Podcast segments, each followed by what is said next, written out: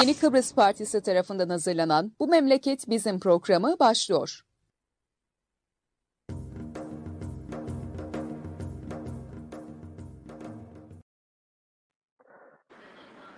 Evet, Yeni Kıbrıs Partisi'nin hazırlayıp sunduğu Bu Memleket Bizim programının 59. özel yayınındayız. Bugün ben Murat Kanatlı, e, Alpay Durduran ve Rasih Keskiner'le beraber geçen hafta yaşananları konuşacağız. Alpay ve günaydınlar. Günaydınlar. Herkese saygı ve sevgiler. Rasih abi günaydınlar. Günaydınlar. Günaydınlar. Canlı yayınları YKP'nin Facebook sayfasından, YouTube'dan ve Twitter'in periskopundan paylaşırsanız bu görüşler ve düşünceler daha çok insana ulaşabilir. Bu nedenle illa canlı değil, her ne zaman seyrediyorsanız bu yayınları sizden ricamız lütfen paylaşalım ki bu görüşler ve düşünceler daha fazla insana ulaşabilsin. Evet, geçen hafta gene yoğun bir e, haftaydı. Bir sürü bir şeyler yaşanmaya devam ediyor. Bizi birinci derecede ilgilendiren e, Avrupa Konseyi e, liderler toplantısı oldu. Bir şey çıktı. Herkes buna bakıp bir yorum yapıyor. Alpay Bey ne karar alındı oradan? Nasıl yorumlamak gerekir? Şimdi Avrupalılar Birliği bizim tarafımızdan adı bile öğrenilemeyen bir birliktir. Yani bizim tarafımızdan dedim, Türkçe konuşanlar tarafından. Avrupa Birliği diyoruz. Halbuki Avrupa Birliği diye bir şey yoktur. Avrupa Birliği varsa Avrupa Konseyi'dir o. Ve adı da Avrupa'dır. Avrupalı değildir. Avrupalı Birliği ise European Union'dur. Yani Avrupalılar Birliği'dir veya Avrupalı Birliği'dir. Biz adını bile doğru koyamadık çünkü anlayamadık kimdir birle, birleşen. Bu birlik kimlerin birliğidir? Devletler Birliği mi yoksa Avrupalı insanların, yurttaşların birliği midir? Çünkü bu iki ayrı düşünceyi ifade eder. Başka bir şey değil. Bunun önemi buradadır.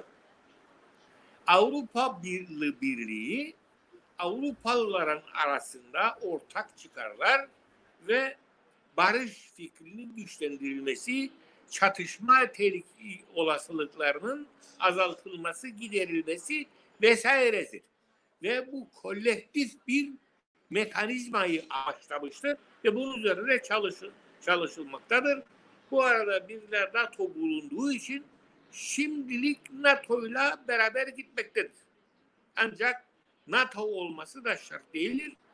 Ee, ve Avrupalı Birliği kendi e, savunma sistemini de oluşturmak için çeşitli uygulamalara başlamış bulunuyor. Bu son zamanlarda da bu konuda dikkatler gene çekiliyor.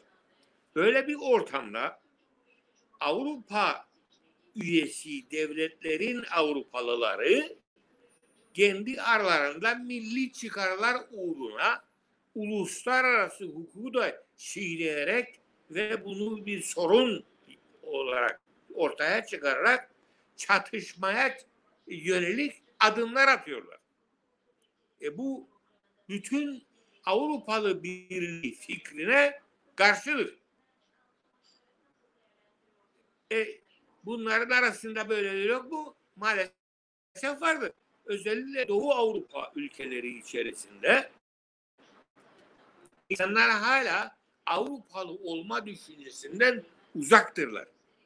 Hala e, bunu bir kavga sebebi olarak yapabiliyorlar. Ulusal çıkarlar ileri sürerek birbirleriyle dalaşabiliyorlar. E, bunları önlemek gerektiği gibi Avrupa'ya dışarıdan gene Avrupa devletlerinden meydan okuyanlar da vardır. Böyle bir karmaşa içerisinde Avrupalı Birliği çok dikkatli davranmak ve dayanışmasını göstererek insanlar arasında e, daha iyi ilişkiler, dayanışmalar yaratmak zorundadır. Avrupalı Birliği bir evrensel düşünceydi. Parçalana parçalana giden ve ona göre devletler sayısı süresi sürekli artmakta olan bir dünyada Tam tersine birleşmelere doğru gidip de uluslararası barış ve güvenliği artırmak ve sonunda da tam anlamıyla sağlama fikrine büyük bir destektir. AB gibi kuruluşlar. AB gibi kuruluşların NATO gibi bir e, şekilde e, olması uygun değildir. Çünkü NATO'nun temelde bir savunma bir birliğidir. Savunma ise aslında savaşma için kullanılan bir attır. Onun için adı bile uygun değildir. Ancak NATO'nun kuruluş amaçlarına da resmine bakarsak bu e, dayanışmayı ve dünya barış ve e, düzenini barışçı gelişmeleri desteklemeyi savunduğu görülür. Ama programında ve tüzüğünde bunları söyler. Dışında ise bir silah yarışması içerisindeydi ve temelden çıkar çatışması vardı Doğu Batı arasında ve bu, bu Batı çatışmasının bir aracıydı NATO. Ve bunun da birçok ülkelerde yansımalarını görmüştük. Dolayısıyla o, bu durumun bir kenara AB'nin ortaya çıkması çok önemliydi.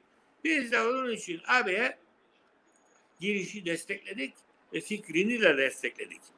Ve uluslararası hukuka bağlı Birleşmiş Milletler'in görevlerine saygılı, ona destek olan bir AB'nin dünya için çok büyük yararı olacağına inanmıştık. Bu inanış içerisinde bakıyoruz şimdi AB'ye bir takım sorunlar yaratanlar vardır. Ve bu sorunları yaratanlardan bir tanesi de biziz maalesef. Kıbrıs sorununu verdiğimiz bütün sözlere imzaladığımız, onayladığımız kararlara rağmen hala esasından ele alıp da çözüm getiremedik. Çünkü esasını gizliyoruz. Bizim arzumuz irridentizmdir. Yeniden kazanmaktır. Yani Osmanlı iken biz kaybetmişiz Kıbrıs'ı. Türkiye olmuş sonra ama Türkiye bunun sahibiymiş, varisiymiş.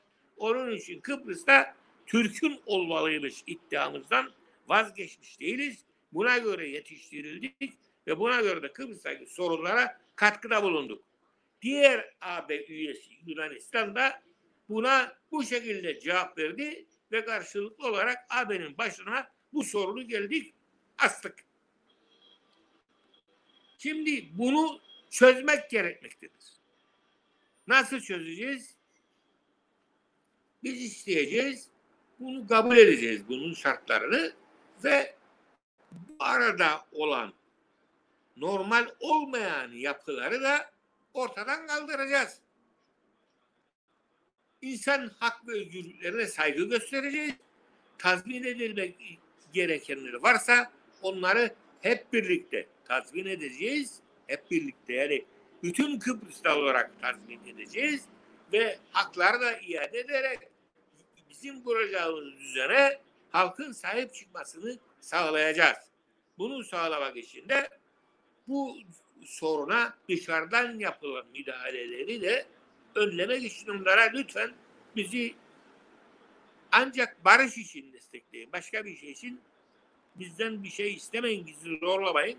Etkilerinizi e, biz kabul edemeyiz. Buna karşıyız diyebilmeliyiz. E bugün bir Cumhurbaşkanı seçim var işte görüyoruz.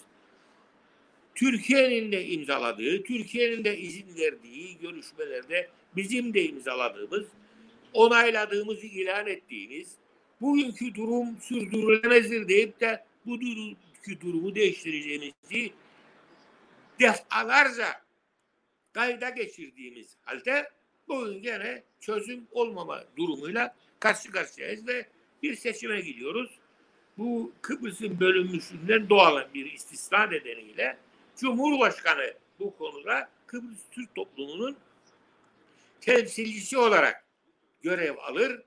Bu e, Kıbrıs'ın bölünmüşlüğünün verdiği zorlukları aşmak için icat edilmiş olan bir usuldür. Bu usul dolayısıyla Cumhurbaşkanı bu konuda yetkilidir ve parlamenter rejimin Cumhurbaşkanı olduğu halde e, bu konuda özel olarak ekstradan görevlendirilmiş olmaktadır. Bu da dünya tarafından kabul edilmiştir. Kıbrıs soruna taraf olanlar tarafından da kabul edilmiştir. Dolayısıyla AB ve e, Amerika tarafından da kabul edilmiştir. Bütün bunlar dururken azdan bakıyoruz bizim adımızı ve çıkarlarımızı ileri süre Kıbrıs'ın etrafında denizlere de haklar iddia etmeye başladık. E, ilk bu haklar ortaya çıkarıldığında kimlerdir taraf buna diye bir e, inceleme yaptığımda gördüm ki Mısır, Lübnan, İsrail ve Suriye'de doğrudan taraf bu konuda. Peki onlar ne yapmışlar? Onlar hep güney tarafın görüşlerini desteklemişler. Onunla anlaşmalara varmışlar. Bir kısmı da parlamentolarına bile onaylayarak yasalaştırmışlar, haritalar çıkarmışlar vesaire. Ondan sonra da biz kendimiz bir harita çıkarıldığını gördük ve bu haritayı meclisimin onayladığını da öğrendik. Ama ne, hangi kısmını onayladığını bile anlayamadık. Çünkü haritası da yayınlanmadı. Onun için biz bilmiyoruz e, ne kadar onaylandı, ne kadar onaylamadı. Ve şimdi bunu savunuyoruz diyerek sonra biz de bir hayal olduk.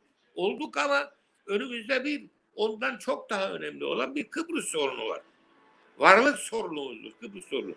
Kıbrıs birleştirilirse Kıbrıs'ta eşit vatandaş olarak eşit siyasi haklarla tam bir devleti paylaşmış olacağız federasyon olarak ki federasyona da eşitlik demektir ve eşitlik de görüşmelerde kabul edilmiş bir temel ilkedir. AB de bunu destekler. AB de görüşmelere katıldı bir iki defa ve o da bu görüşmelere destek olur. Yani onlar da onun da onayını almış bulmaktadır. Böyle bir ortamdayız. Ve buna rağmen bu NATO içerisinde bir sorun da oldu. Dolayısıyla arka kapıdan döndü. Gene AB ülkelerini ilgilendiren bir sorun da oldu. Ve biz ille iddia ediyoruz ki bu bizim hakkımızdır. Peki neden yani bu dünyada yalnız biz böyle bir iddiada bulunuyoruz da dünyanın diğer devletleri bizi desteklemiyor? Niçin böyle oluyor sık sık bizim bu işlerimiz? Bizim ne kusurumuz var ki herkes bize karşı çıksın ve bizi e, haklardan mahrum etmek için e, karşı tarafı desteklesin. Niçin yapsın yani? Bizde ne var? Bizde bizim kusurumuz var. Biz böyle bir şeyi iddiayı kabul edemeyiz. Bizim bir kusurumuz yoktur. Ve olmamalıdır. Biz de barış isteriz, iyi ilişkiler isteriz, e, güvenlik içerisinde yaşama hakkına ulaşmak istiyoruz ve belirsizliklerden kurtulmak isteriz. Bizim doğal davranışımız. Ve bildiğimiz de bu toplum böyle bir toplumdur. Nasıl oluyorlar bütün bunlara rağmen sorun çıkaracak işleri yapıyoruz. Bu olacak gibi değildir. Bundan da devam eder gidersek uluslararası hukukta deniz haklarının çok karışık olduğu ve birçok ihlallerin, birçok yanlışlıkların da ortada durduğu anlaşılır. Kolay değildir burada teraziyi doğru tutmak ve iki tarafın da eşit şekilde haklarını savunur gibi görmek kolay değildir. Örneğin gözümüzün önünde bir Meis Adası var. Meis Adası'nın hemen güneybatısına doğru ve bir açı çekeceksin ve bu koca bir deniz sahasını Yunanistan'dır diyeceksin. Bu olacak iş değildir tabii. Biraz da geriye gittiğimizde görürüz ki Yunanistan Ege adalarında da yasaları çiğnemiş, uluslararası hukuku çiğnemiştir. Kendinin taraf olduğu anlaşmalardaki taahhütlerini çiğnemiştir, silahlandırmıştır vesaire vesaire. Ve bunlardan paçayı da kurtarmıştır bugüne kadar. E ama bu hak kazandırmaz ki. Ve şimdi AB çok önemli bir şekilde iki üyesi arasında kendi varlığına da yönelik bir anlayışı baskısı altındadır ve bunu baskı altında adil davranıp bu sorunu çözüme yardımcı olmak zorundadır. Başka şansı yoktur. Yardımcı olmak için eline geleni yapması gerekir. Başka yapabileceği bir şey yoktur. Çünkü kendi varlığıyla ilgilidir bu. Öyle olunca AB'nin bu konudaki e, girişimi ne oldu? Tarafları çağırıp bunlar hakkında konuşmak ve bir e, çözüm arayışına girmek. E, çözüm ar- arayışına girdiğinde son zamanlarda sık karşılaştığınız gibi tarafların ben haklıyım diye taraf haksızdır iddiaları ve peşin hükümleriyle karşılaşıyorlar. Ve bu da AB'nin sorunu haline getiriyor. Bunlara karşı bir üyesini savunmazsa AB kendi varlığını daha derinden yaralamış olacaktır. Yaralamamak için de barış yönünde müdahale edecek. Nasıl müdahale edecek? E, nasıl ile uslanmaz. Hakkının ne olduğu bellidir. Onun için müeyyideler peşinde olması doğaldır ve bu uyarısını yaptı. Ve bu uyarı üzerine bir patırdığı gürültüsü gitti ülkemizde. Barışı istiyorsanız siz bunları anlayışla izlemeli ve bunlar hakkında kararlarınızı adalet terazisini kurarak yürütmelisiniz. Öyle bakıp da eh, bir ihtilaf var masaya gidilecek. Masaya gitmezsek menüde yer alırız. Masada yer almamız için müdahaleleri kol- kollamalı ve onlara dahil olmalıyız. De politikasını aklımıza bile getirmememiz gerekir. Böyle aramamamız gerekir bizim. Eğer bir masaya gideceksek çözüm için oraya gitmeliyiz. Benim ben o ocaklara gitmezsem deyip de korkuyla gidersiniz masaya patırdı gürültü çıkarırsınız. Ve uluslararası ilişkilerde maalesef e, yeni bir akımla karşı karşıya ülkemizde. Bu da Türkiye'nin dış politika eğitim veren siyasal bilgiler fakültelerinde e, verilmektedir. Ne yazık ki bu şeylerde e, yetişenlere ihtilaf çıkartmayı marifet zannediyorlar.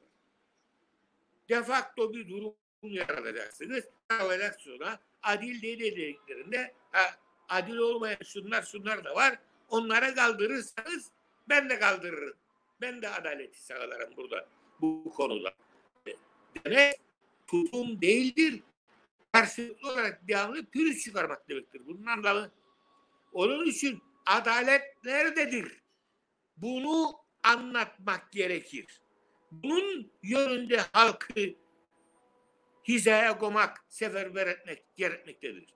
Tabi demokrasilerde halkı hizaya sokmak, seferber etmeye çalışmak özel olarak bir suç teşkil eder. Çünkü devlet halka karşı tarafsız olmak mecburiyetin, tarafsız görev yapmak mecburiyetinin olduğu da kendi istekleri doğrultusunda halkı sefer etmeye çalışmak için çeşitli türlü numara yapar. Onun için Türkiye gibi devletlerde, bizim devletimizde maalesef başından beri en büyük sancımız budur. Muhalefeti de çiğneyip geçen ezici bir şekilde bir propaganda yapılmaktadır. Ve- devletin tüm gücü bunlar için kullanılmaktadır. Radyo ve televizyonlarda yayın özgürlüğünü elde etmek için bile yıllarca kavga etmeniz e, gerekli oldu.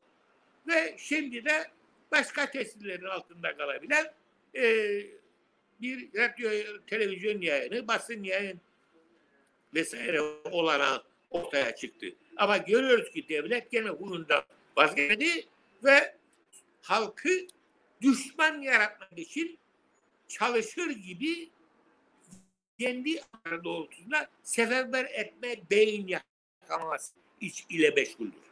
Bunlar kabul edecek şeyler değildir. Usandığı bu Kıbrıs Türk toplumu artık usandı. Bırakın rahat insanlar rahatça konuşsunlar, rahatça akıl alışverişinde bulunsunlar. Ortak kararlar ona göre olsun ve fark edelim ki bu dünya dünya sorunu olarak birçok sorunla karşı karşıyadır. Ona yardımcı olmak da boynumuzun borcudur. Hiç değilse bu denizlerdeki petrol arama rüyasından vazgeçelim. Etrafımızda çevreyi tehdit eden petrol çıkarmalarına izin vermeyelim. Petrol çıkarmasak da olur. Güneş enerjisi bol miktarda mevcuttur. Bundan yaralanırsa çok kolay bu sorunları aşabiliriz. Ve çok az petrola ihtiyacımız kalır ve bizim üçüncü kolluktan çıkar. Ama çevreyi bir tehdit edecek şekilde bir arıza olsa bu çıkarmalarda ne olacak? Kıbrıs'ın çevresindeki habitat da ölecek. Balıklar da ölecek ve genel çevreye verilen zarar da çok çok büyük olacaktır.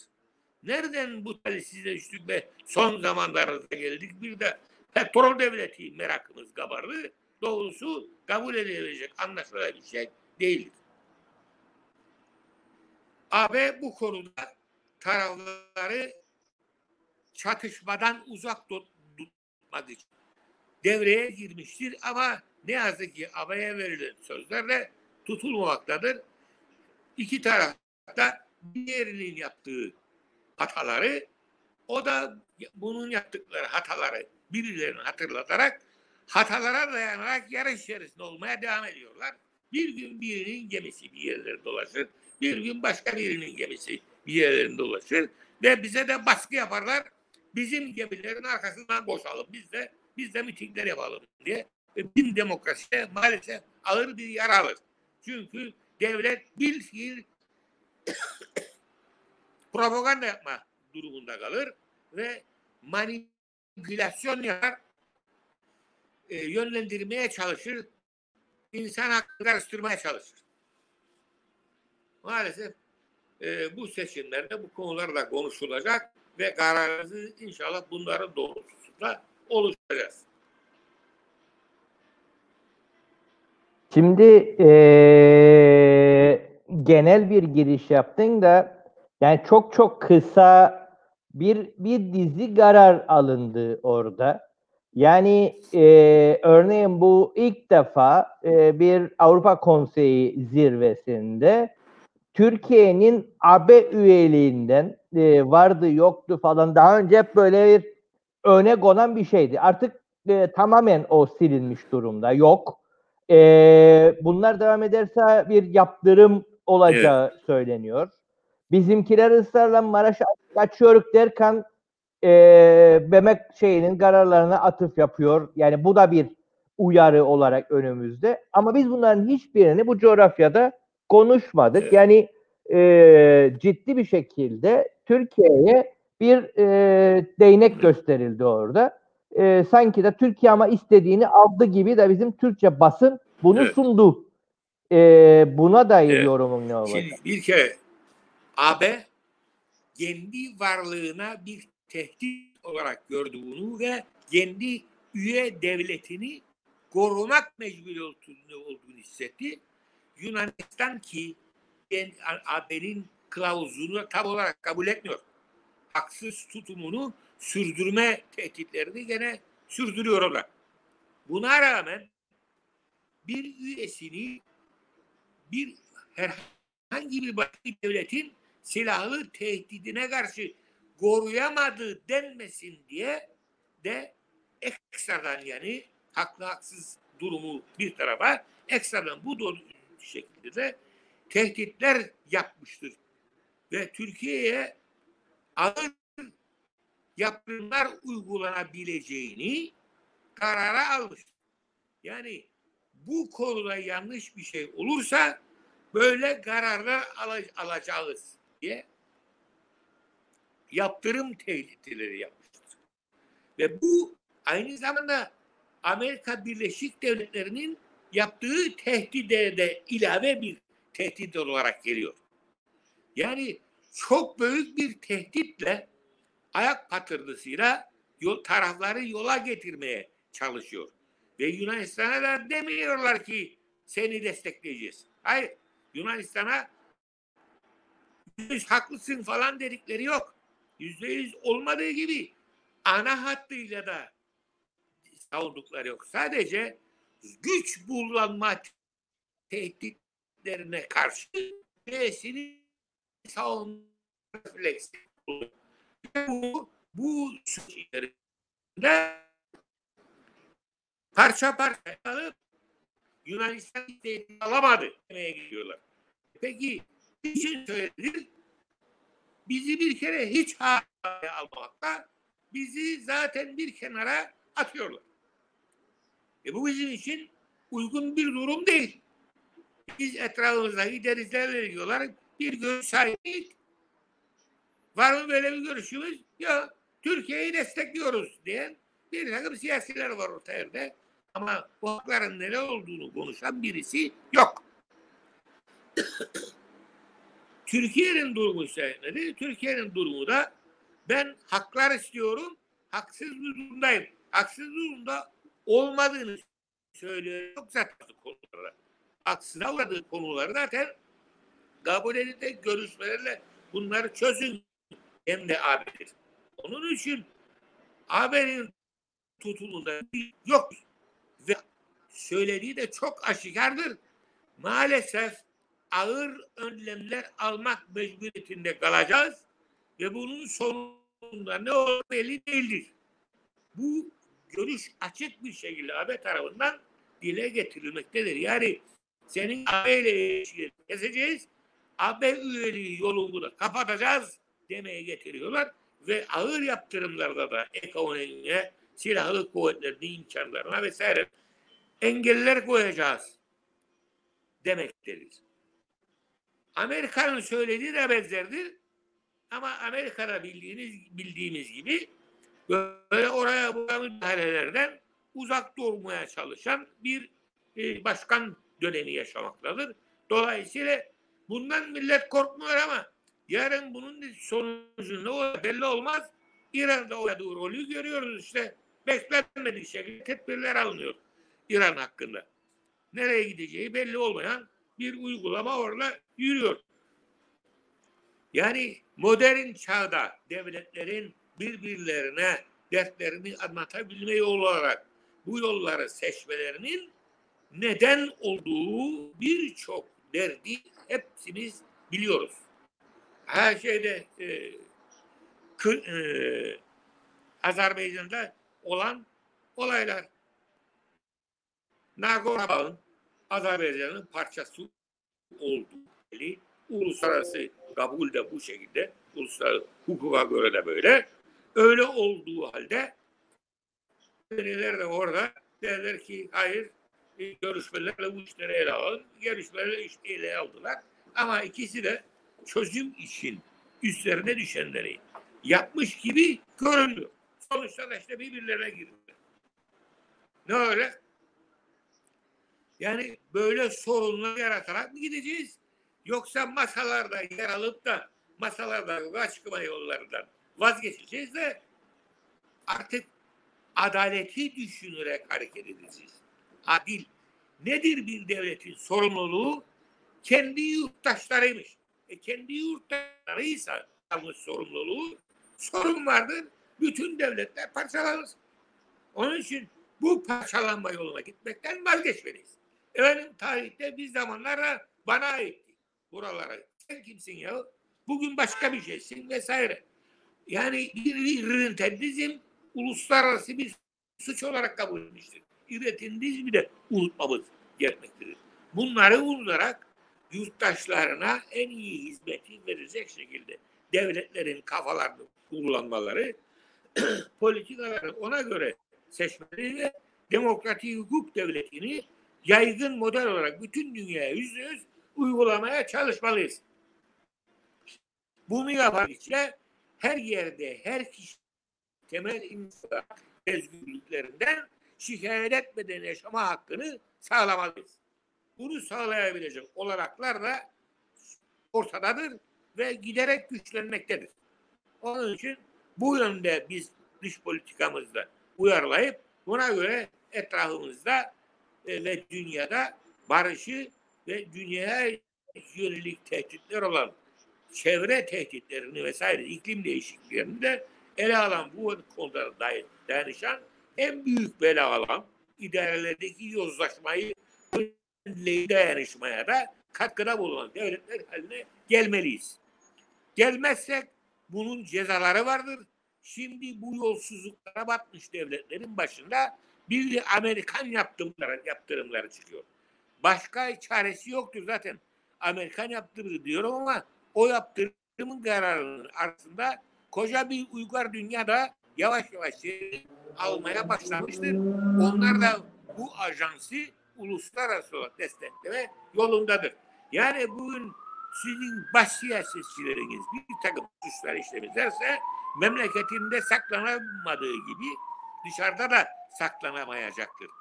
Bunları sağlamazsak zaten ülkelerde barış da tam olarak sağlanamaz. Dünya barışı da bu yüzden her zaman tehdit altında olur. Onun için e, bu işi biz uygun görüyorsak bunu desteklemeliyiz ve doğru tutum bu olmalı. Barıştan başka bir yöntem e, aramak hiç doğru değildir. Evet, burada biraz önce ve bu aş- gidişinin sonunda son bir kısa bir şey söyleyeyim. Bu gidişin sonunda hepimizin hev- hevlaki başımızda duran Üçüncü Dünya Savaşı tehlikesi. Çünkü gördüğümüz gibi her ufak bir yerdeki çatışma bile hemen yandaşı olan, komşuları olan vesaire veya dindaşı olan siyasi işbirliği olanlar diyerek katılanlar tarafından büyütülmeye çalışılmaktadır. Veyahut da o şekilde gelişmektedir olaylar ve Üçüncü Dünya Savaşı'na evrilme ihtimalidir bahsediliyor. Bu ömründe en fazla bu yıllarda bu tehditler olur. Ben de endişeliyim bu, bu olaydan dolayı. Onun için partimizin bu konudaki tutumunu sonuna kadar desteklenmesi gereken bir tutum olarak görüyorum. Evet. E, Ras- Rassi abi biraz önce Alpay Bey açtı. E, bu e, şeyi birazcık konuşmak gerek. E, e, doğal gazın e, doğal olduğu yerde kalması halini bu enerji kaynaklarının e, bir hengamedir gidiyor e, etrafımızdaki gazlarla ilgili olarak. E, ama e, konuşmadığımız kısım gerçekten bizim daha fazla e, fosil yakıtına ihtiyacımız var mı? E, bunlar gerekli mi? Bir taraftan iklim krizini konuşurken, bir taraftan e, ekolojik krizi konuşurken biz buna nasıl katkı sağlayacağımızı ve bunu paylaşmanın kavgasını veriyoruz. E, buradan ne diyeceksin?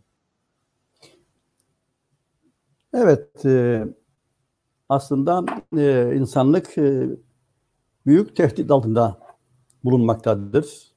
Bir taraftan yer yer patlak veren savaşlar, bir taraftan bu bahsettiğin yeraltındaki e, kaynakların e, yeryüzüne çıkarılması için e, yapılan tahribatlar, bütün bunların üzerine bir de son zamanlarda e, karşılaştığımız salgınlar insanlığı tehdit etmektedir. E, güzel bir e, hareket e, yaşanmaktadır. E, e, bugünlerde gündeme e, yansımıştır. E, kazma bırak diye e, bir e, hareket başlatılmıştır. Bu fosil atıklarının dokunulmaması, çünkü bunlarla uğraşılması büyük felaketlere neden olmaktadır. Dolayısıyla e, e, 65 örgüt ki bunlar içerisinde Türkiye, Yunanistan, Kıbrıs'ın iki yanından katılanlar da vardır. Bir hareket başlattılar. E, bu yeraltı fosil yataklarının e, olduğu yerde e, kalması e, ve enerji e, yaratım için başka arayışa girmesi için mücadele başlatılmıştır. Bu fosil yataklarının e, bırak e, mücadelesi aslında e, barış ve iklim adaletinin de e, insanlığa ve dünyamıza e, yansımasını e, getirecektir.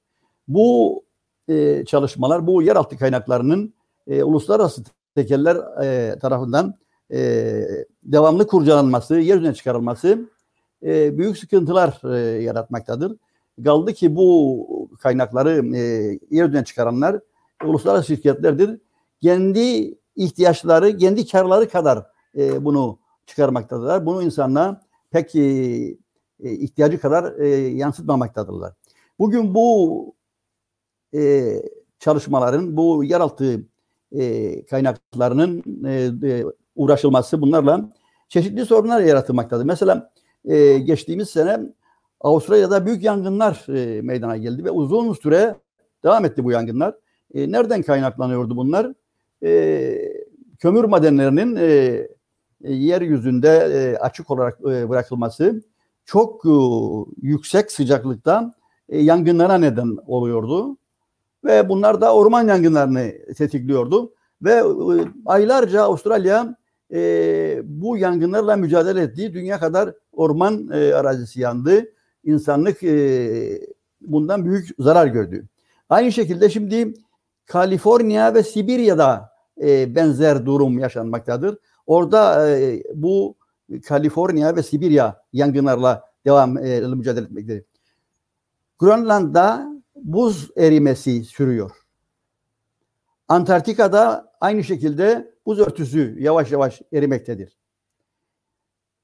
Dünya Vahşi Yaşam Fonu son 40 yılda hayvan popülasyonunda yüzde 60 eksilme olduğunu e, yayınladı. Yüzde 68 e, eksilme çünkü bu e, hayvan popülasyonu ormanlarda birbiri beraber yaşamaktadırlar. Orman yangınları vesaire tahribatlarla bu popülasyon gittik sonra azalıyor.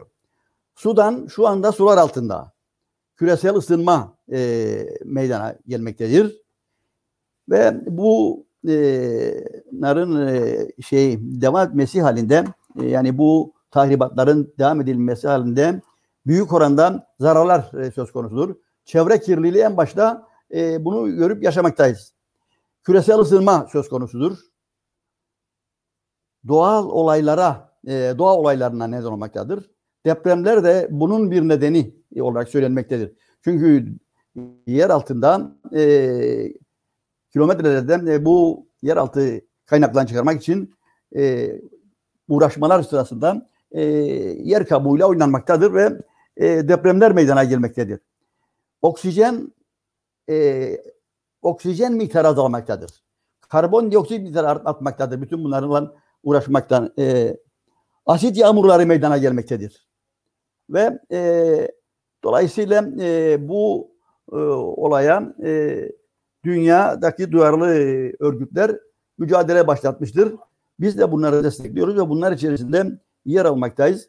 Çünkü e, gidişat hiç de iyi değildir. Peki e, bunları e, eğer biz e, yani bu petrol, doğal gaz ve kömürleriyle uğraşmaz bunları fosil atıkları olduğu yerde bırakırsak ve e, enerjiye ihtiyacımız olmayacak mı? Olacaktır elbette. Bunun için de e, dünyada büyük çalışmalar e, söz konusudur şu anda. E, bunlar içerisinde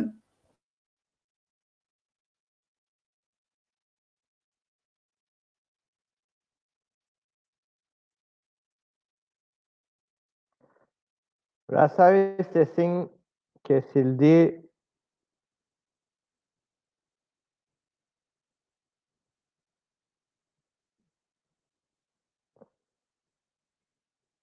Evet, bugünkü şeyimiz, sorunumuz da e, Rasavi'nin tarafta başladı. Evet, Rasavi döndüğünde bu konuya devam ederiz. E, Alpay Bey, sen iki tane arka arkaya yazı yazdın e, Yeni Çağ'da. E, bir tanesi meclisin açılmasıyla ilgili. Açıldı da ne oldu diye. E, diğeri ise e, bugün e, yayınladık kendini.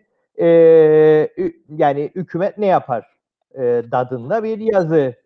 E, zannederim bizim coğrafyada bu iki kavram çok da e, konuşulamıyor, çok da tartışılamıyor. Hükümet e, maaş veren, bir şeyler dağıtan kurum olarak görülüyor. E, meclis de artık işlevini yitirdi. Bu konuyu biraz konuşalım çünkü bir seçime gidiyoruz. E, biz e, dönem dönem seçime seçim deme koşulları var dediğim olması gerekir dediğimizde insanlar bize hep önce bir oy at, hak kazan da sonra bakarık modundadırlar. Ee, meclis ne işe yarar? Hükümet ne yapar? Bunu birazcık konuşalım. Maalesef e, demokrasi hukuk devleti ve devlet sistemleri hakkında ülkemizde çok konuşulmuştur.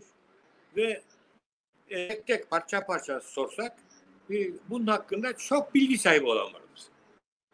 Ancak aslında yanlış bir, bir kafaya sahip insanlar olduğu için bunu izninizle dayanmadığınızda etrafımızda olan biteni ayırt edemiyor. Mesela bir örnek vereyim. Biz Avrupa Konseyi üyesi bir ülkeyiz. Ülkeyiz diyorum çünkü bizim Avrupa Konseyi'nde Parlamenterler Meclisi'nde temsil edilme hakkımız dahi var. Gideriz oraya ve bizi temsil ederiz. Diğer devletlerden biraz daha az e, şeyimiz. Ama kendimle kendimizle ilgili olarak olarak konuda özellikle yetkili olduğumuzda kabul edilmiştir. Böyle bir şey. Ama onun şeyine baktığımızda aldığı kararlara baktığımızda görüyoruz ki meclis milletvekillerinden oluşur. Milletin vekillerinden oluşur. Halbuki bizde partisinin vekillerinden oluşuyor. Çünkü mecliste bir şeyde bir milletvekili bir parti yapabilir üyelikten komisyonlara giremez ve çalışmalar kısıtlanır.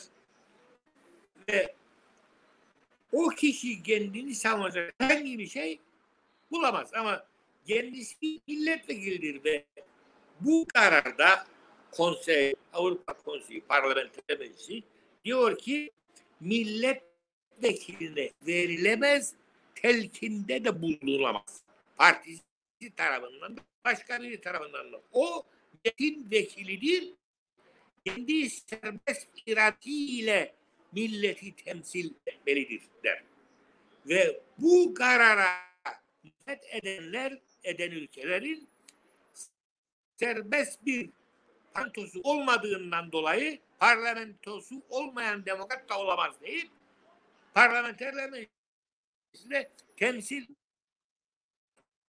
edilme hakkını kaybeder. Yani itiraz etseler bizim için bunların parlamenterler meclisinden atar bir demokratik meclis üye devletin mecburiyetidir. Kuruluş yasası Avrupa Konseyi'nin budur. E bizde ise milletvekili partinin militanıdır. Militan olduğu için de kararlar partiden geliyorsa partinin görüşü doğrultusunda, hükümetten geliyorsa hükümet ortaklarının görüşü doğrultusunda uygulanırlar. Muhalifseler de muhalif olarak uygulanırlar. Ve kullanmamayı suç olarak kabul eder. Bizim vatandaşlarımız da maalesef. Ve parti üyeleri de vay partiye ihanet etti bu herif diye onu ederler. Bu şey bizim demokrasi anlayamadığımızın bir ifadesidir. Onun için bizde demokrasi oradan zaten çöker. E, şimdi yolsuzluğu yolsuzluk tar- taraftarı bir partinin yüksek makamında e, bulunmuş olan kişi ise o da dokunmakta kolay olmaz. Çünkü sen partilisin, partin zarar görecek. Yani şimdi seçime gidiyoruz, biz partiliyiz, parti zarar görecek, dokunulmazlığı kaldırılması gereken dokunulmazlığı kaldırma yönünde meclis hareket göremiyoruz. Onun için bu bizim meclis maalesef e, sakattır ve e, Avrupa ölçüsünde bir e, demokratik parlament olarak nitelendirilemez. Ondan sonra bir milletvekili bir herhangi bir meslekten olabilir olmak mecliste gerekir. Her, her mesleklere ben insanların bilmesi ve temsil edebilmesi olanaklar olduğu gibi kullanılması demek mecliste e, meclis çalışmaları doğru dürüst okuyup da anlamamış olan bu konuda bir eğitim almamış olan insanlar bile girebilmelidir. Ve girerler de biz girer. Böyle, böyle kişilerin girmesi halinde meclis komitelerindeki görevlerden tutun da diğer komisyonlara kadar de milletvekiline hizmet vermek mecburiyetindedir.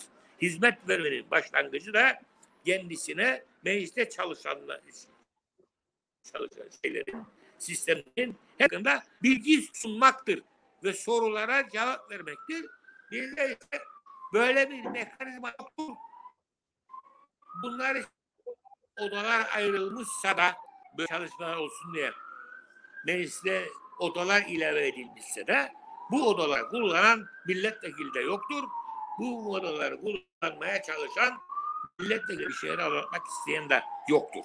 Yani milletvekili meclise girdiğinde yalnız partisinin üst kademelerinin e, yol vermesiyle, yönlendirmesiyle baş başa kalan bir kişi haline düşer. Buna olarak vermeyen bir meclis sahibi olmamız gerekir. Her milletvekilinin her istediği konuda görüşte arayabilme olanağı olmalı. Fikir istiyorsa fikir sorabilmeli. Sorgu sual etmek istiyorsa sergi sual edebilmelidir. Bunlar da yapmalıdır. Şimdi bir dönem bitti. Yeni bir döneme başlıyoruz. Şimdi milletvekili yeni döneme geçmiş dönemin bütün istatistikleri, çalışmaları, değerlendirmeleri bulunan bir raporla yeni çalışma mevsimine başlamalıdır. Böyle bir rapor hakkında bir olay oldu mu? Bu rapor duyuldu mu? Böyle bir şey yapıyor, bunları bunlar ortaya koydu diyen birisi çıktı mı? Hayır çünkü tamamen laf ola bir raporla karşı karşıya almak durumundayız ve şimdiye kadar da olan budur. Bu raporlar sureta işte geldi bu böyle geçti öyle geçmedi. Geldi bu öyle geçti böyle geçmedi. Geçer. Ve tutanaklara geçti.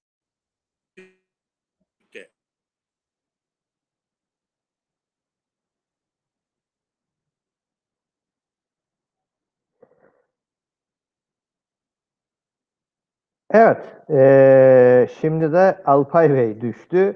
Eee, Evet değerli izleyenler e, maalesef işte e, ülkemizin durumu bu, internetimizin durumu her e, alandaki e, aksaklıklar gibi internette bize izin verdiği ölçüde e, konuşuyoruz. Aslında e, gündemde olan e, konu çok önemli bir konu. İnsan yaşamını doğayı doğadan ilgilendiren bir konu. E, ama e, sanırım bugün e, bu önemli konuyu detayına e, varıncaya kadar inceleyemeyeceğiz. Herhalde bununla ilgili özel bir e, oturum yapıp e, detaylı e, konuşmak gerekecektir. Ama en azından e, şunu e, ortaya koyayım ki bu 65 örgüt belli ki e, bir çalışma yapmış, bir izleme izlemişler e, e, etrafı ülkeleri ve bu yeraltı fosilleri atıklarının yeryüzüne çıkarılmaması sonucu e, ne gibi enerji e, alternatifleri e, yaratabiliriz diye onları da e, e, ortaya koydular ki bu da onlara cesaret vermiştir. E, umarım e, ileride e, e, devlet yönetimleri de e, bu yönde adım atar ve e, daha e, yaşanır bir e, ortam e, bulabiliriz. E, bu e, enerji alternatif enerji kaynaklarını e, kısaca özetlemek istersem e, bunları daha detayına ileriki toplantılarımızda gündeme getireceğim ama e, şu anda e, alternatif e, doğa e, e, tahrip etmeyen e, enerji kaynakları mevcuttur. E, bir kısmı mevcut, bir kısmı üzerine çalışmalar yapmaktadır. Mesela rüzgar enerjisi. Rüzgar doğal bir oluşumdur ve hiçbir yere zarar e, vermiyor. Ozon tabakasına zarar vermiyor ve en önemlisi de kimsenin sahibi değildir. Kimsenin bu rüzgarın kimsenin sahibi değildir. Tabii şu anda bilmiyoruz tabii bu e, uluslararası tekerler e, onun içinde bir e, çare üretirler mi ki yer altından e, kaynakları durdurulduğu zaman havaya da hakim olmak için bir şeyler e, yaparlar mı? Bir başka enerji kaynağı e, ki bu kullanılıyor şimdi. E, gerçi bunun e, çevreye e, önemli tahribatları vardır. Hidroenerji enerji santralleri vardır. E, ama bunların e, bu 10 e, tane enerji kaynağı, e, enerji üreten kaynak e, var tespit edilen. Bu hidroelektrik enerji santralleri doğaya zarar vermektedir, çevreye zarar vermektedir. Çünkü çevresini tahribatları yapılmaktadır. Bunu görüyor. Bu 10 alternatif içerisinde en en zararlı olanıdır. Güneş enerjisi.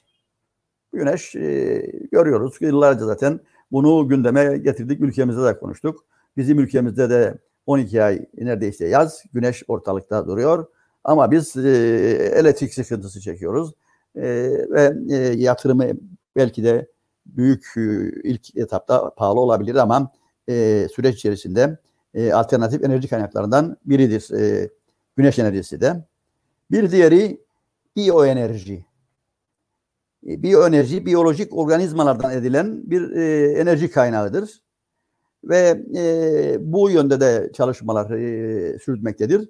Bu da e, doğa dostu e, olacak e, bir enerji kaynağıdır. E, üçüncü olarak. Dördüncü bir tanesi jeotermal enerji. Bu da e, yerin derinliklerinde yanan e, e, yeryüzüne uzanan e, çekirdekten başlayarak yeryüzüne uzanan bilim adamları bu enerjinin 9000 derecenin üzerinde yanan çekirdekten kaynaklandığı bildirdiler. Güneş enerjisi fosillerinden elde edilen enerjinin yerini alacak bir diğer enerji e, türüdür biyoenerji. Başka bir tanesi gelgit enerjisi. Bu deniz e, suyu dalgalarının e, gelgitlerinden e, yaratılacak ve yaratılan bir şeydir. Gelgit sübünleri kutupların e, oralarda e, denemeleri yapılmaktadır ve kullanılmaktadır. Dolayısıyla bu da e, doğaya ve etrafa zarar vermeyen bir e, enerji e, türüdür. Bir başka enerji türü dalga enerjisi. Bu da okyanizm gücü sayesinde e, kıyılardan e, dalgalarla, bu su dalgalarıyla elde edilebilecek bir enerji türüdür. E, bunun da e, bir doğa e, dostu olduğu e, bir başka enerji şeyi kaynağı hidrojen enerjisi alternatif enerji kaynakları arasında yer alan bu enerjiyi fosillerden elde, elde edilir ama ozon tabakasına zararlı gaz, gazlar salmaz. Dolayısıyla e, bu da e, süreç içerisinde yenilenebilir enerji kaynağıdır. Bir diğeri güneş, rüzgar ve biyoyakıt santralleri. Maksimum seviyeye çıkarmak amacıyla güneş, rüzgar ve biyoyakıt enerji santralleri bir alana birlikte kurulmuştur. Ve bunlar da e, geliştirilerek e, bayağı e, e, yararlı, doğaya, çevreye zarar vermeyen bir enerji e, çalışmasıdır. Tabii bunu bunu sen bir, söylerken biz bu tartışmaları hatırlarsan ekoloji forumlarında yaptıydık. Bu evet. ekososyalizm tartışmaları içerisinde. Elbette yeni bir kaynağa yönelmeden önce birinci yapmamız gereken enerji verimliliğidir. Yani çünkü her biri aslında yani güneş enerjisi dahil e, bir müdahaledir ve oradaki ekosisteme bir etkisi vardır. O yüzden bunların hepsini minimuma indirmek gerekiyor.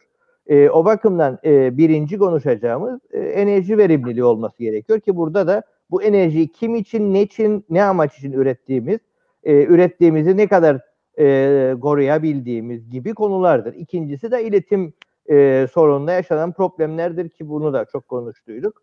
Çünkü yolda kaybedilenler var. Yani gene enerji verimine giren bir konudur. Tüm bunlar bittikten sonra ve bunları sağladıktan sonra alternatif üretimlerle ilgili olarak, farklı üretimlerle ilgili konuşulabilir.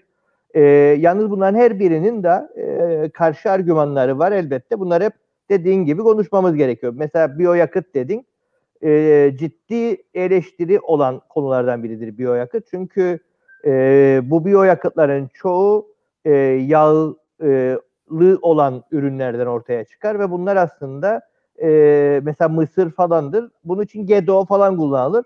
Bu toprağa zarar vermeye başlar gibi bir sürü de karşı argümanları var. Bunları e, uzunca bir tartışmanın konusu olarak tekrardan değerlendirmemiz gerekir. Elbette zaten bu saydığım 10 enerji üretim e, kaynağı e, yararları zararında e, zararları da nedir? Ama e, şu açıktır ki şu andaki tahribattan çok daha yararlı bir e, konumdadırlar. Bunların zararları göz önünde bulundurarak, bunlar da hep detaylarında vardır ama şu anda bunları e, detaylı e, gündeme getirmek e, zamanımız yoktur. E, tabii bir de e, bir enerji kaynağı da kinetik e, enerji e, söz konusudur. Bu da üzerinde çalışılması gereken başka bir husustur. E, yani e, belli ki e, dünyamız e, gelişen yıllar içerisinde mutlaka bu küresel ısınmaya, e, bu atmosferin, havanın kirlenmesine, çevre kirliliğine, bu tahribata e, ve bu tahribatın yarattığı olumsuzlukları giderecek enerji kaynaklarını e, üretmeli. En verimlisini e, yani tabiata en az zarar verecek en e, en uygunlarını üretip e, hayata geçirmelidir. E, yoksa e, bu felaketler e, doğa e, intikamını e, çok fena e, almaktadır. E, bunu yaşayarak görmekteyiz. E, seller, yangınlar, zelzeleler e, vesaire.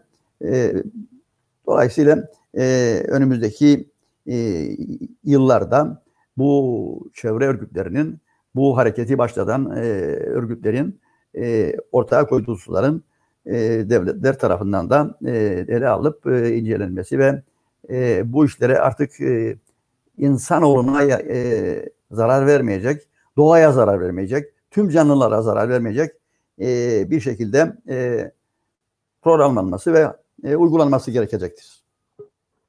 Evet. E, Alpay Bey da koptu. İç, iç konulardan bir şey bahsedemedik. Konulardan da birkaç satır bahsedebilirsek e, iyi olur. Tabii e, Alpay Bey bitirirse hızlı bir şekilde başladığımız tartışmayı aslında biraz daha oradan iç konularla devam edeceğiz. Meclis ve hükümetle ilgili kısımla ilgili Alpay Bey hızlı toparlayabilirsen bu hükümetin durumu veya durumsuzluğuyla ilgili oradan devam edelim.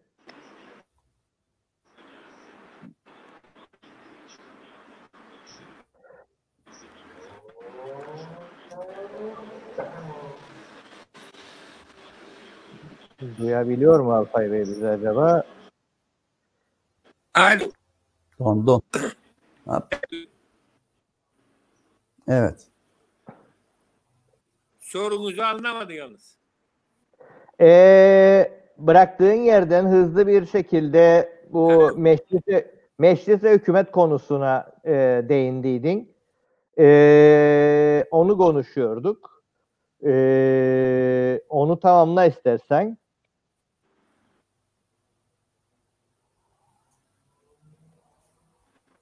Ee, Orada bir sıkıntı var durduranda. Evet, e, iç Evet. konular dedim. E, bugün itibariyle e, Özgür Gazete'nin manşetine düştü. E, internet yayını yapan. E, 2 Ekim e, sabaha karşı e, iki buçukta e, TC Cumhurbaşkanı Yardımcısı Fuat Oktay'ın basın danışmanı Ali Genç e, ve onun e, oluşturduğu e, kadro e, Taçoy'un olduğu ekiple buluşuyor.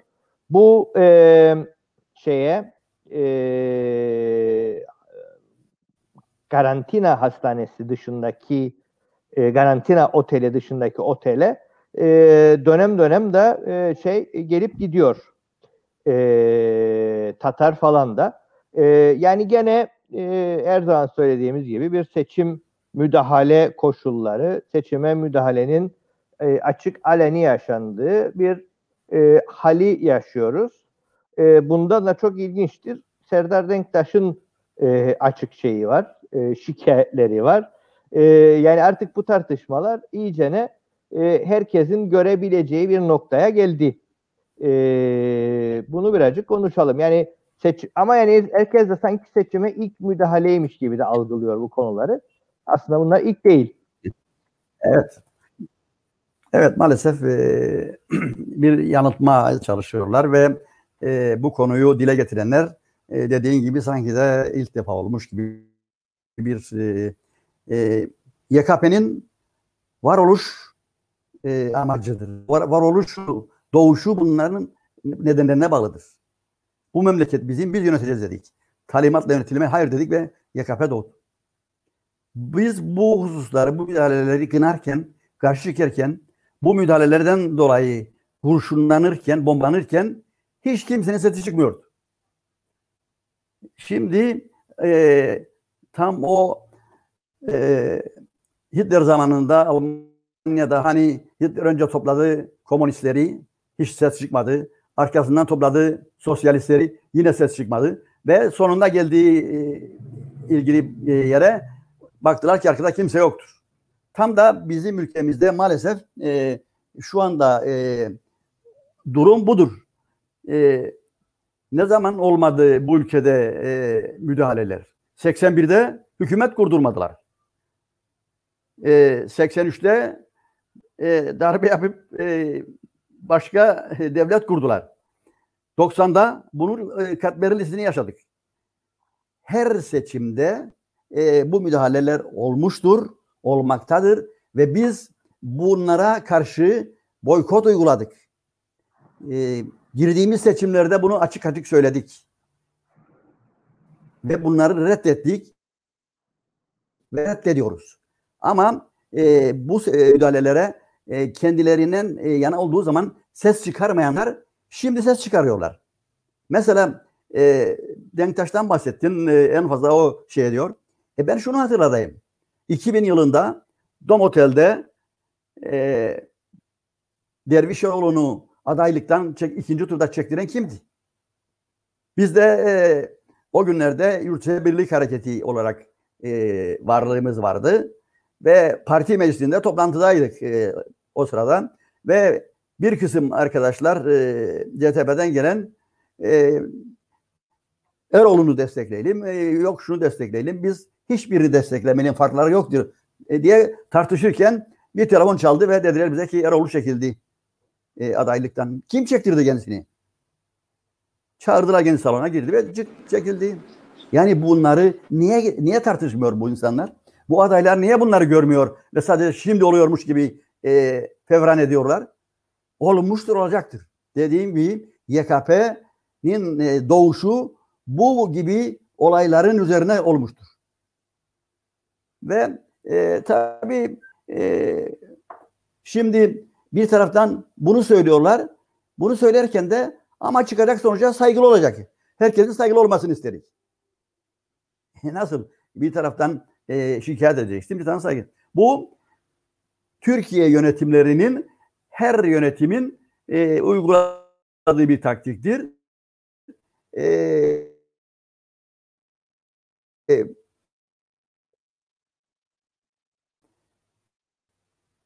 biz Karakum'da kahvede otururuz. E, Özkan var orada. Liste çıkardı. Şu şu şu şu nerededir? E, Çatalköy'de nerede oturur? Biz de ters yöne yolladık kendisini. E, Alsancak tarafına yolladık kendisini.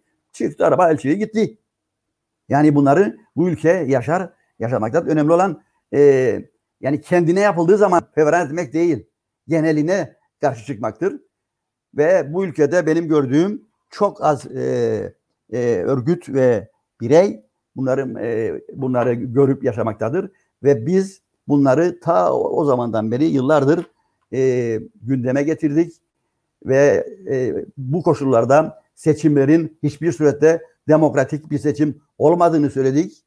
Seçimlere girdiğimiz zamanda, boykot ettiğimiz zamanda hep bunu dile getirdik. Bu ülkede bu müdahaleler e, sürüyor, sürmektedir. Ama ne acıdır ki bunu kabul edenler, buna e, davetiye çıkaranlar e, ortada dolaşmaktadır. E, bilmiyorum bu seçim sonrası e, doğacak sonuçtan sonra e, yine bu sonuca saygılı olalım mı diyecekler. Yoksa şikayetlerine devam edecekler mi? E, bilmiyorum geçecektir bu da. Nasıl 90'larda geçti, açık açık müdahale yapıldı. Ondan sonra UBP'nin içine müdahale edildiği başka partide oldu. Ama neler yapılmadı? Koalisyon bozulur, hükümetler bozulur, yeni hükümetler kurulur. E, bunlar hep e, ÖRP'yi yaşadık ama neler yaşamadık ve hala daha yaşıyoruz. Son hükümet nasıl bozuldu, nasıl kuruldu? Yani bunları konuşan yok. E, sadece e, şimdi e, belli ki e, hoşlarına gitmedi kendilerine dokununca e, ve şikayet ediyorlar. E, biz bu gibi şeylere karşıyız. Karşı e, duruşumuzu devam ettirmekteyiz ve devam ettireceğiz.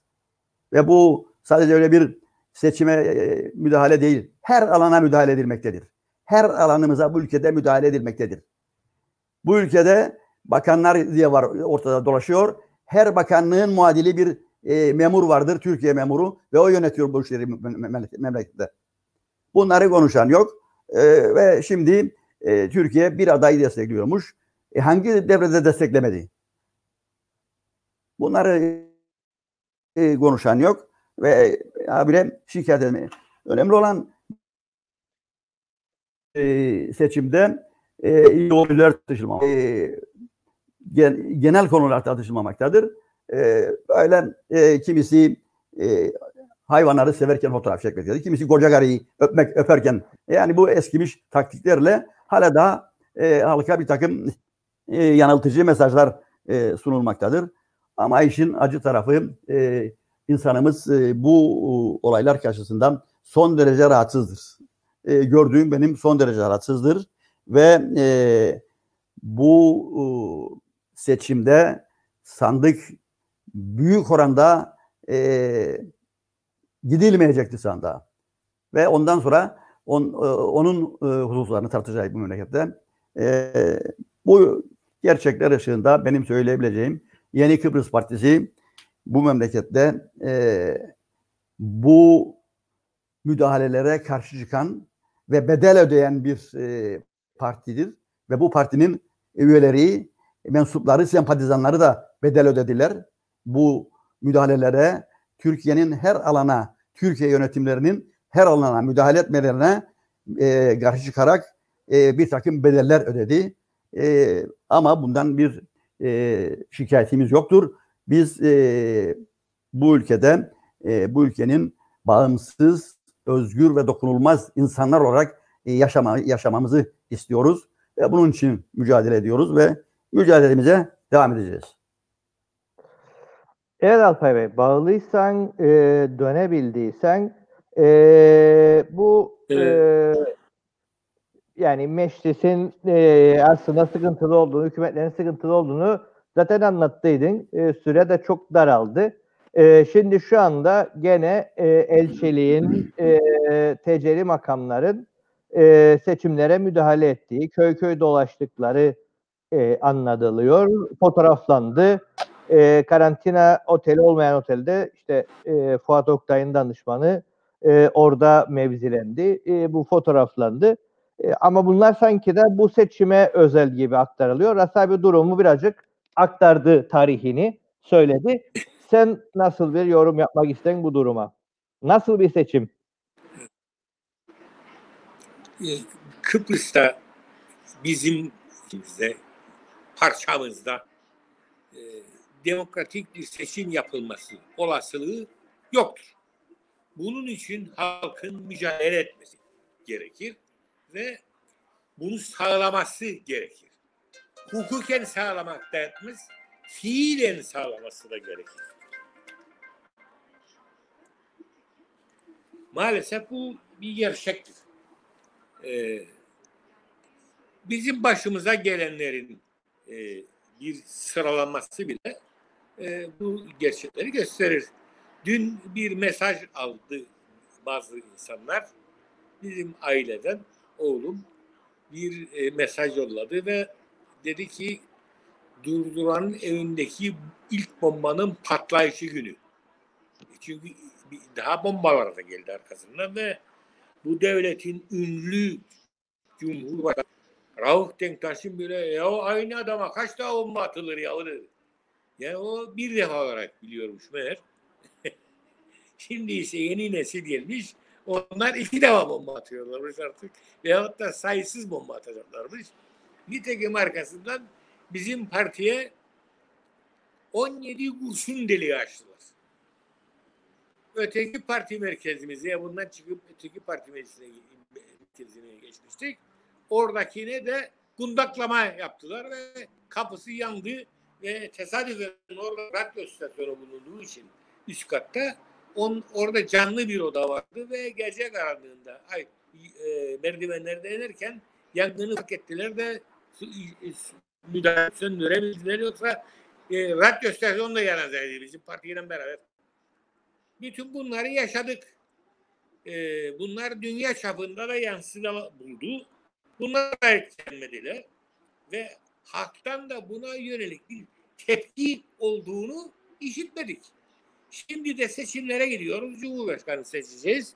Ve seçimlere müdahale ettiği her gün söyleniyor. Ve herkes buna emindir. Zaten müdahale edileceğini de biliyorlardı. Onun için büyük partilerin meydanlarda tutuk çekerken bile Türkiye'den en iyi ilişkilerle e, bol para koparan biziz. Bize para verin ki yatırımlarımız ilerlesin diye tutuklar çekerler ya. Bu kadar uzlaşmış bir demokrasi bu memlekette bulunur. O da siyasi ortamın yarattığı bir e, or, şey, yapıdan dolayı oluyor maalesef. E, bu ülkede halk bunu destekliyor mu? Halkın içinde çok aktif bir kesim bunlara şiddetle karşıdır. Yapılan mitingler, e, meclisin işte damına bayrak çekme olayları, Afrika'ya e, saldırılar vesaire sırasında ortaya çıkan tepkileri gösteriyor ki bu toplum istemiyor bunu. Buna karşıdır. Ama bu e, şekilde davranma e, sırasında e, gücünü gösterirken genelde bunlara boy eğdiğini de favori partilerin tutumları gösteriyor. Seçilme şansı olan partilerin hepsi de bunu kabul etmiştir. Bu müdahaleyi. Bu müdahalenin kendilerine yapılmaması için yarış içindedirler. Ne yarış içinde? Hayır, yani Türkiye'nin menfaatlarına e, kavuştuğuna hayret ediyorum. E, teşkil etmiyorum demeye çalışarak kurtulmaya çalışıyorlar. Onun için de bu memleketimizde kronik bir konu olarak bu müdahale devam etmektedir. Yoksa o müdahale edildiği bilmektedir. İlk parti e, bu Kıbrıs tarihinde Türkiye'den yardıma muhtaç değiliz. Bize yapmasın. Yardımı yapansın diye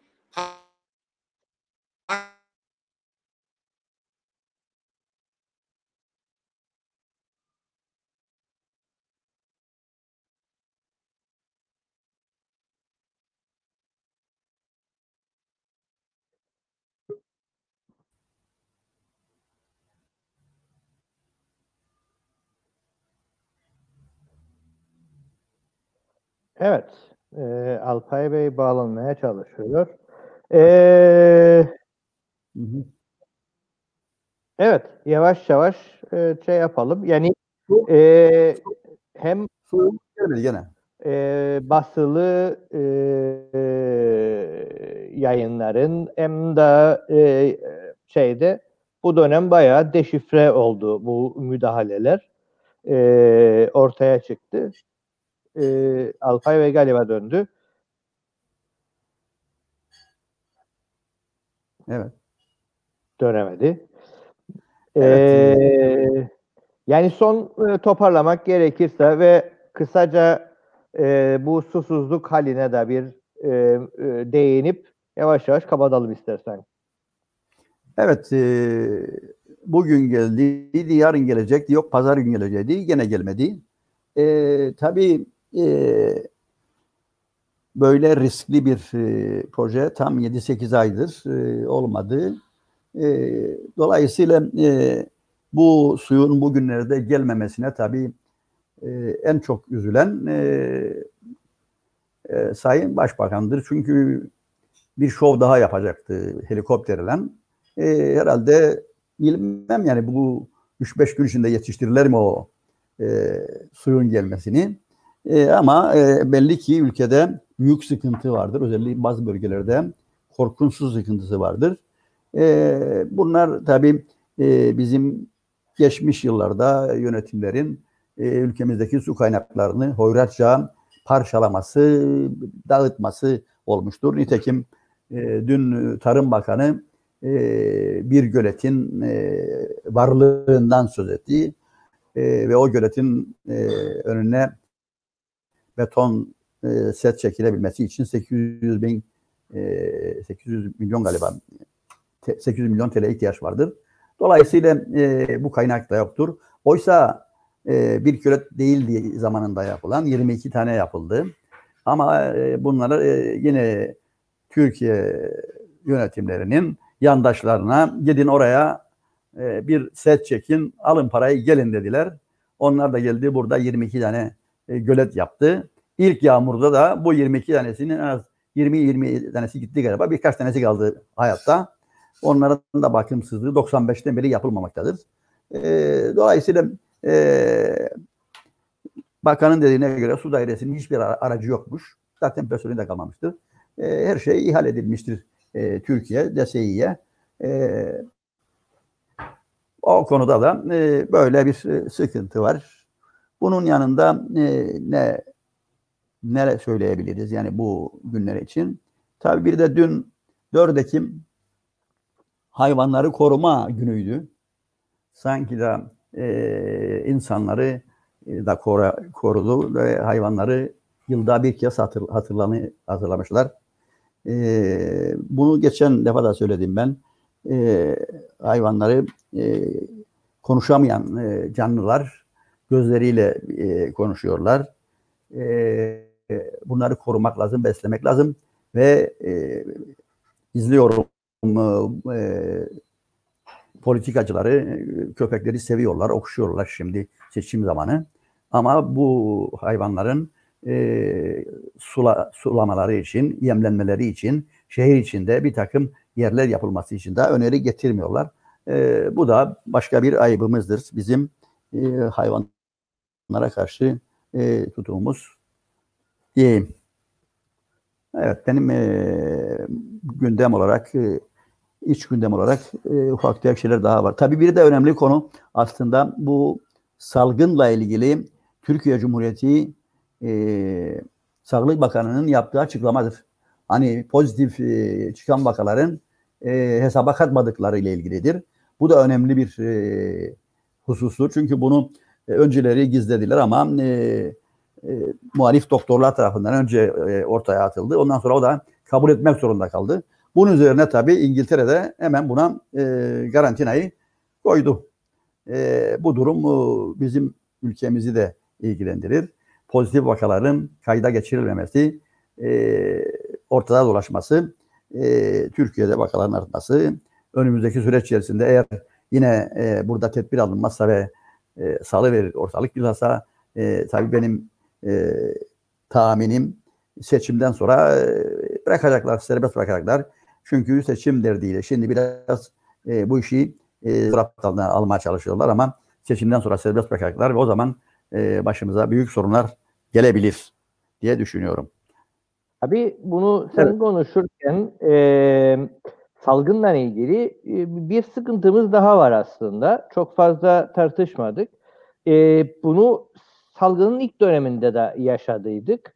E, Türkiye tartışmalı bazı uygulamalar yaptı. Bunlardan bir tanesi bu hızlı testlerle ilgiliydi ve bunların güvensiz olduğunu ilk günden itibaren hem Türkiye'nin hem buradaki Tabipler Birliği, iki Tabipler Birliği de açıkladı. Bu bunlar çok fazla şeyi göstermez, e, kapıp kapmadığını falan gösterir gibi durumdu. E, aniden bizim ülkemizde bunu Arıklı'nın e, paylaşımlarında gördük. Kızılay Derneği geldi ve Kızılay Derneği işte yarım saatte e, test yapıp sonuç çıkartabilecek bir kit getirdiği iddia ediliyor ve bazı yayınlar bunu e, e, şey yapıyorlar, promote yapıyorlar ki yani yarım saatte yapılır. E, dünyadaki e, trendleri takip ettiğimizde bunların güvensiz olduğu, yani PCR testinin bile yüzde 60, yüzde 70 olduğu, o bakımdan e, diğer testlerle beraber, el, ELISA falan filan testleriyle beraber yapılması gerektiğini hep konuşulur.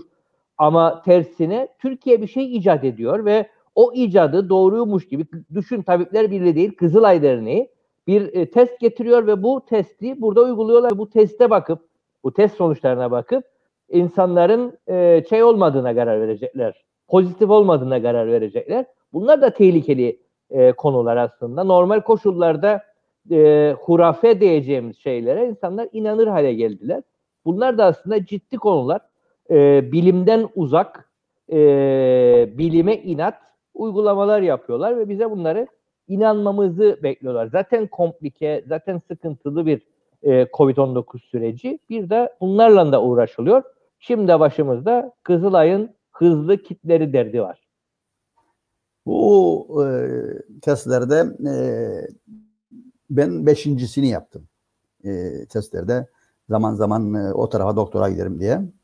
E, her defasında değişik oluyor. Mesela ilk yaptığım hastanede sadece öyle burnumun ucuna dokundu. Rahat dedik kolaydır bu iş. Ve ondan sonra e, bazı yerlerde ta kulak şeyine kadar e, soktu o çöpü ve diyor ki e, bize eğer böyle yapmazsak yüzde otuzdur bunun e, şeyi garantisi.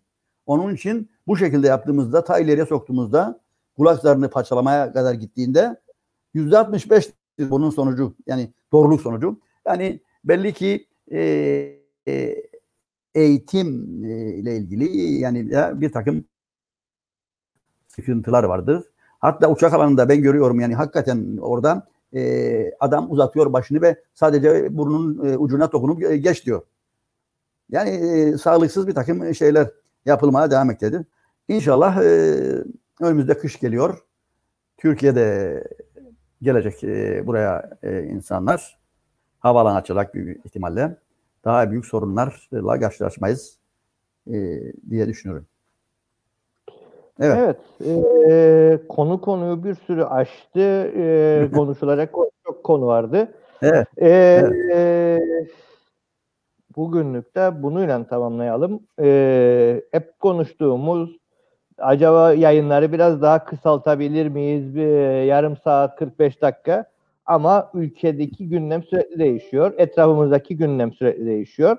E, birden fazla sorunumuz var. Yani bir de derdimiz Türkçe e, haber sitelerinin e, manipülasyonluğuyla karşı karşıyayız. Mesela Libya'da her şey darmadağın olduydu, o oldu, bu oldu. Libya ile ilgili tartışmalar bir anda kesildi. Çünkü Türkiye'nin aleyhine, bölgenin lehine e, taraflar masaya oturdular ama Türkçe hiçbir haber sitesinde bunu görmezsiniz. E, uluslararası gözlemciler e, çatışmaların yoğun ama bazı bölgelerde olduğunu gösterirken Karabağ'da, Dağlık Karabağ'da Türk basın siteleri e, adeta bütün Kafkasları savaş alanına çevirdiler ve e, eski yayınları da e, dağıtırlar ve ortalık gene bir manipülasyondan geçilmiyor. Suriye aynı şekilde e, birçok bölgede böylesi sıkıntılar söz konusu. Bunlar hep konuşmak gerekirdi. E, sanırım e, bunlarla ilgili gelecek haftalarda bunları konuşmaya devam etmek gerekecek. Böylesi bir durum. E, bir yazarın e, şeyinde vardı. E, Dağlık Karabağ'la ilgili olarak bir kitap. E, o kitabı da gelecek hafta birazcık konuşuruk. E, aslında Dağlık Karabağ'da olan 90 e, 88'den itibaren yaşananlar Kıbrıs'a çok çok benziyor. Görüşme süreçleri %80 %90 e, uzlaşmaya varıldı 2001-2002 yılında aniden masadan birileri kalktı gibi e, bir sürü e, çok benzer tarafları da var aslında Dağlık Karabağ'ın. E, bunların da detaylarını e, ilerleyen e, haftalarda konuşuruz. Çünkü e, ortalıkta da ciddi bir manipülasyon var ve bir de seçim satım halindeyiz. Şimdi ahali onu konuşacak. Böylesi bir durum. Evet, bugünkü programın da bu şekilde sonuna gelelim. Ee, bir şey eklemek istersen Rasari buyur. Ben e, izleyenlere sağlıklı günler e, dileyim, sağlıklı bir hafta dileyim. E, kendimizi koruyalım. E, onu e, söyleyebilirim. E, ülkede sorunlar çığ gibi büyümektedir. E, dikkatli olalım. E, en azından bu kurulan e, tuzaklara sadece salgın değil. Çünkü yollar da tuzak dolu. E, yaratılan bu batakta kanser e, gittik sonra artmaktadır. E, e, Yedeoğlu yiyecekler yemektedir. Yani orta, ortadadır. döviz tırmanmaktadır. E, bütün bunlara e, ışığında e, insanlarımızın stres altında olmaması mümkün değildir ama mümkün olduğu kadar e, stresten uzak e, e, kendimizi korumaya çalışalım diyorum. İyi günler dilerim.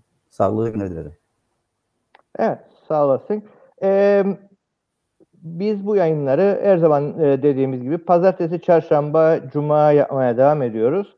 Ee, saatlerinden dolayı Doktor Mustafa Hami ile bu çarşamba saat 6'da e, sağlıktaki son durumu e, konuşacağız. Sağlık sistemindeki COVID-19'daki durumu e, konuşacağız. E, özellikle de e, herhalde e, bizim meşhur e, pandemi hastanesi dediler ama acil durum hastanesidir. Onun durumunu konuşacağız. Çünkü e, binaya baktığınızda binanın bitmesine bile e, bir sürü şey var, e, iş var orada ama e, bunun dışında bir hastanenin içinin e, dizayn edilmesi bir o kadar daha sıkıntılıdır. Özellikle bu e, özel durum hastanelerinde. Çünkü her bir her bir yatağın başına siz oksijen e, tüplerini koyacaksınız. E, elektrik e, tesisatını götüreceksiniz. Bunların hiçbiri bu coğrafyada yapılmadı zaten. O da bir sıkıntı ve bu hastaneyi seçimden önce açma niyetindedirler. Bu manipülasyonları, bu şovları da e, tekrardan e, sevgili doktorumuz Doktor Mustafa Hami ile çarşamba saat 6'da konuşacağız. E, yüksek öğrenimde de bir kaos yaşanmaktadır. E, orada da sıkıntılar vardır. O konuyu da e, Cuma günü e, saat 11'de Ahmet Hıdıroğlu ile konuşacağız. Yüksek öğrenimde ne yaşanıyor, neler oluyor, e, alınan kararlar nedir? Bunu e, konuşacağız. E, ve ayrıca e, Hıdıroğlu'nun e, bir şeyi de çalışma alanı da dil konusunda, linguistik konudadır. Bu seçim sürecinde vaktimiz el verirse seçim sürecindeki dili konuşacağız. Seçim süresinde kullanılan e, dilin halini konuşacağız. Zannederim bu dönem e, en kötü e, linguistik bir dönemdir. En tartışmalı olan terimlerin doğruymuş gibi sunulduğu bir dönem. E, bu iki konuyu Cuma günü saat 11'de Ahmet Hıdıroğlu ile konuşacağız. Her pazartesi olduğu gibi e, gelecek pazartesi de saat 11'de Rasih Keskiner ve Alpay Durduran'la beraber de e, bu önümüzde yaşayacağımız haftayı değerlendireceğiz. Bizimle olan herkese teşekkürler. İyi günler dileriz herkese.